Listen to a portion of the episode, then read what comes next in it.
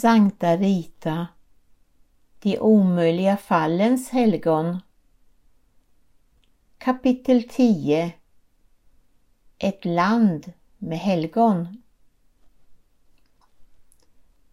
Med sina böner till den korsfäste Jesus utverkade syster Rita i sitt kloster i Kaskia många slags underverk.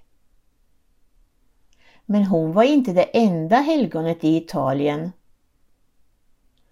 Ett århundrade tidigare hade Franciscus av Assisi lämnat det rika fädernehemmet för att leva i yttersta fattigdom. Sedan dess hade den kristna tron blivit betydligt starkare i landet. I de olika italienska staterna hade sedan dess dykt upp många helgon. Vissa av dem var redan erkända av kyrkan såsom Bernardino av Siena. Nunnorna från Kaskia hade bevittnat hans offentliga helgonförklaring i Rom. Medan andra, både i de levandes och de dödas skara, snart skulle bli kanoniserade. I framtiden skulle två franciskaner som fortfarande levde också bli offentligt erkända som helgon, nämligen Giovanni da Capistrano och Jacopo della Marca. Jacopo la Marca var känd i Kaskia. Han hade under en oförglömlig fastetid upptänt både deras själar och syster Ritas förryckta kärlek till korset. En kort tid innan Rita föddes hade Katarina av Siena tagits upp i himlen. Denna ödmjuka kvinna som Gud förärade mystiska ingivelser hade utnämnts till kyrkolärare. Eftersom hon besatt vältalighetens gåva fick hon i uppdrag att övertala påven Gregorius den elfte att lämna Avignon och återvända till Rom. Hon brann av kärlek för de sjuka och späkte sig så hårt att hon blev sjuk. På sin sjuksäng uppnådde hon själslig förening med Gud. Margareta av Cortona och Angela Foligno var två andra mystiker. De båda föddes och helgonförklarades något före syster Rita.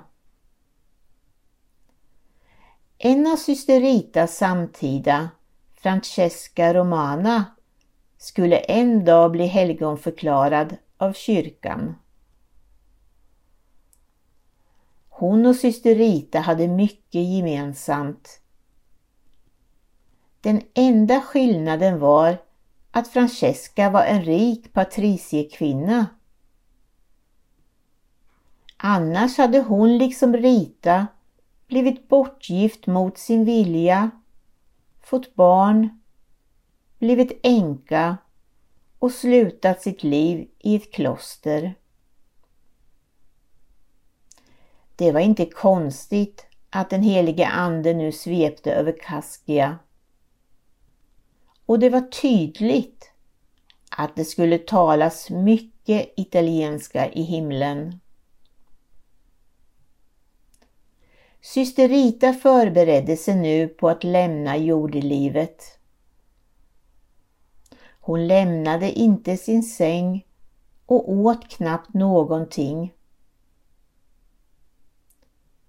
Liksom för Katarina av Siena blev den heliga kommunionen till slut hennes enda kroppsliga och andliga näring. Hon bad mer än någonsin både för sina medsystrar och alla andra som anbefallde sig åt henne. För alla de som bad om hennes förböner späkte hon sig själv. Hon var blek och utmärglad och försökte på bästa sätt dölja att hon led.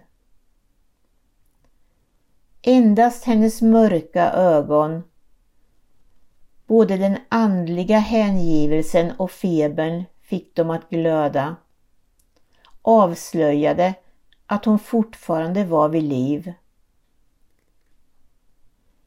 Det var den glöden som träffade det fåtal medsystrar som tillika med sjuksystern var starka nog att gå in i hennes klostercell. Törntaggen satt nämligen kvar på hennes panna och den hemska lukten från såret som blandade sig med den kväljande lukten av sjukdom var outhärdlig att andas. Ibland hände det att hon fick besök av en släkting eller av en barndomsvän som trots den obehagliga lukten vågade sig in i den dunkla klostercellen. När syster Rita vaknade en morgon hade hon mindre feber än vanligt. Hon pratade lite med prästen som hade tagit med sig den heliga kommunionen till henne. Men hon vägrade att dricka det örtte som hade förberetts åt henne utan lutade sig tillbaka med knäppta händer. Det var svårt att avgöra om hon bad eller sov. Kanske gjorde hon omväxlande både det ena och det andra. Förnimmelsen av att någon hade kommit in i klostercellen fick syster Rita att öppna ögonen. Hon misstog sig inte. I det trånga utrymmet mellan väggen och sängen stod Catalina tyst och förlägen och andades in den kvava luften utan att rynka på näsan. Katalina var den släkting hon tyckte bäst om och var liksom hon själv född och uppvuxen i Roccaporena. Hon hade ofta kommit och hälsat på syster Rita.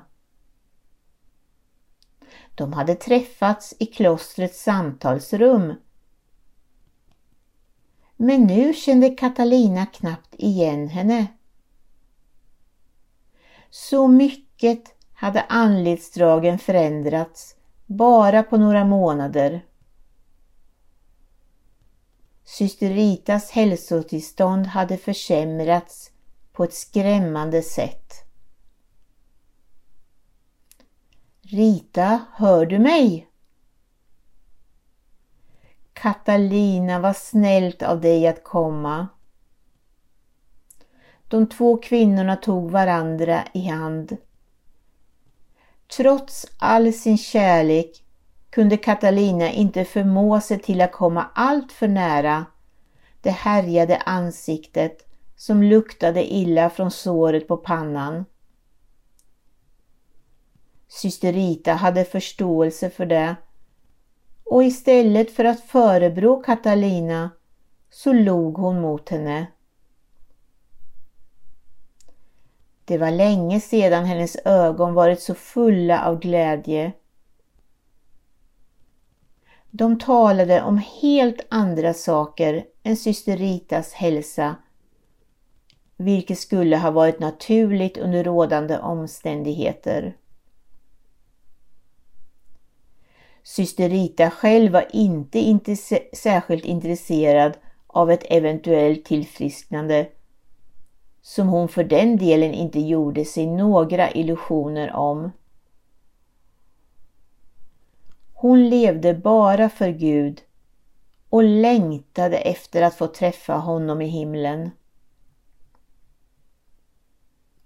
Katalina visste hur det förhöll sig och förstod att döden närmade sig. De nöjde sig med att i få ordalag tala om händelser som hade utspelat sig i det förflutna.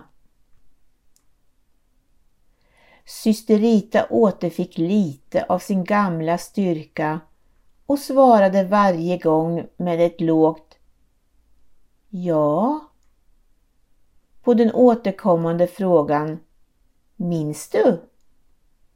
som Katalina ställde medan hon talade om högtidliga processioner i kyrkan eller om blommorna som Amata hade odlat. Syster Rita orkade inte prata särskilt länge, vilket Katalina förstod. Efter en stund reste hon på sig och sa Jag kommer snart tillbaka. Vila dig nu.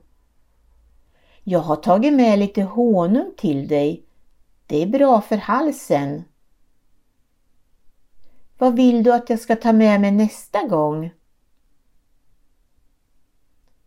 Syster Rita dröjde sig kanske kvar i det förflutna och lade tydligen inte märke till de vita snöflingorna som föll utanför klostercellens fönster. Det var midvinter och sedan flera dagar täckte snön Kaskia med omnejd. Utan att tveka svarade hon. Jag vill att du tar med dig en ros från min rosenbuske. Hon yrade, vilket gjorde Katalina så skräckslagen att hon efter en kort vänskaplig handtryckning lämnade klostercellen och skyndade sig att leta reda på sjuksystern för att säga till henne att syster Rita inte mådde bra och att hon yrade. Jag tänkte på att inte trötta ut henne och stannade bara en liten stund. Det var att vänta, svarade nunnan med lugnande stämma. Slutet närmar sig. Jag ska genast se till henne och därefter förvarna moder abbedissan. Hon gick in till syster Rita och ställde sig vid hennes säng. Syster Rita bad och hade varken mer eller mindre feber än tidigare. Och hon var fullkomligt klar i huvudet. Anfallet hade tydligen varit flyktigt.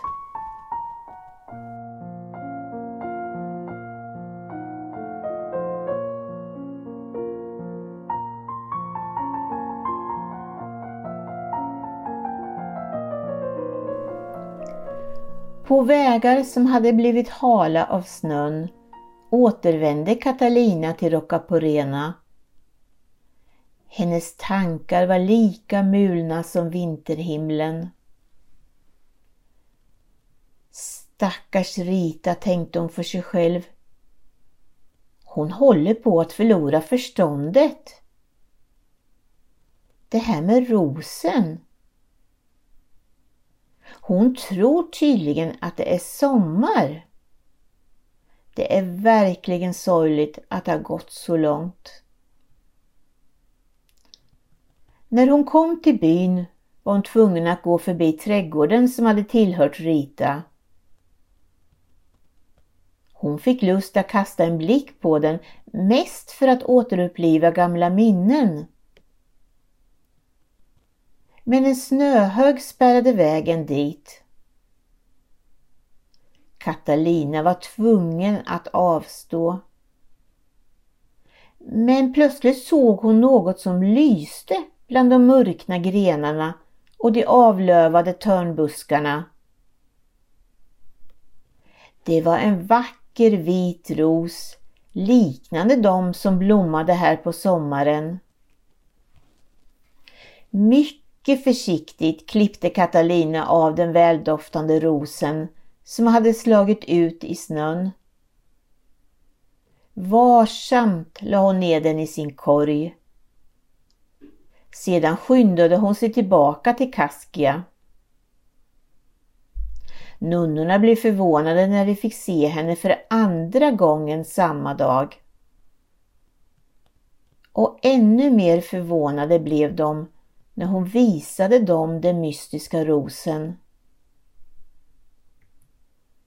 Syster Rita hade inte yrat när hon hade bett om att få den utslagna rosen. Hon visste om den. Den här gången lämnade Catalina syster Rita för denna gång men lovade att komma tillbaka en annan dag.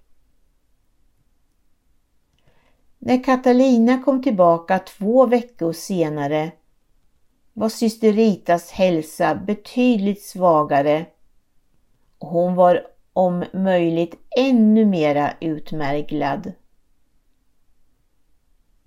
Det var inte tal om att återuppliva några gamla minnen. Hon stannade bara några minuter. Hon la godsakerna som hon hade haft med sig på nattduksbordet och frågade sedan Vad vill du att jag ska ta med mig nästa gång? Syster Rita svarade omedelbart Fikonen som växer på mitt fikonträd. När Catalina kom till byn gick hon, vis av erfarenheten, direkt till fruktträdgården som tidigare hade tillhört Rita. Snön hade smält men en isande nordanvind blåste från bergen Marken var fortfarande stelfrusen och fruktträden helt avlövade. Men på ett fikonträd hängde det två praktfulla och fullmogna fikon trots den kalla årstiden. När hon kom tillbaka till klostret den här gången var nunnorna inte ett dugg förvånade. De hade tagit den döendes osammanhängande ord på allvar. Syster Rita var verkligen på väg att dö. Men trots sitt lidande var hon glad för fikanen som hon prisade Gud för. Trots sitt svaga hälsotillstånd skulle syster Rita fortsätta att leva några månader. Hon hade knappt någon kraft kvar men hennes själ var stark. En kväll lystes plötsligt hennes klostercell upp av ett starkt ljussken. Solen hade sedan länge gått ner och månen lyste inte ännu. Hon reste lite på sig. I dörröppningen stod två bekanta gestalter, nämligen Jesus och hans mor Maria. Syster Rita försökte kasta sig fram mot dem men föll tillbaka ner på sängen. Hon suckade och sa Jesus och Maria, när får jag komma till er? Snart, svarade Jesus och log. Om tre dagar. Visionen upplöstes och försvann. Om tre dagar. Tre dagar till, tänkte syster Rita som tyckte att tiden gick långsamt nu när hon hade fått se en skymt av den himmelska saligheten. Det var den 22 maj 1457. I gryningens första ljus öppnades fönsterluckorna till klostercellen. Utanför stod våren i blom. Men den härliga luften utifrån lyckades inte skingra den obehagliga lukten som fyllde den lilla klostercellen. Runt omkring den döende säng stod abbedissan och några nunnor församlade. De som inte hade fått plats stod i dörröppningen eller utanför i korridoren. Syster Rita, som kände på sig att hennes stund var kommen, hade bett medsystrarna att vara närvarande då hon tog emot de sjukas smörjelse. Nunnorna flyttade lite på sig så att prästen kunde ta sig in i klostercellen. Han hade redan hört den döendes generalbikt och hade nu tagit med sig den heliga kommunionen till henne. Sedan skulle han ge henne de sjuka smörjelse på den utmärglade kroppens olika delar och det bleka ansiktet. Må Gud förlåta dig allt det onda som du har begått med ögonen, öronen, fötterna, händerna och tungan. Hade syster Rita någonsin begått en ond handling?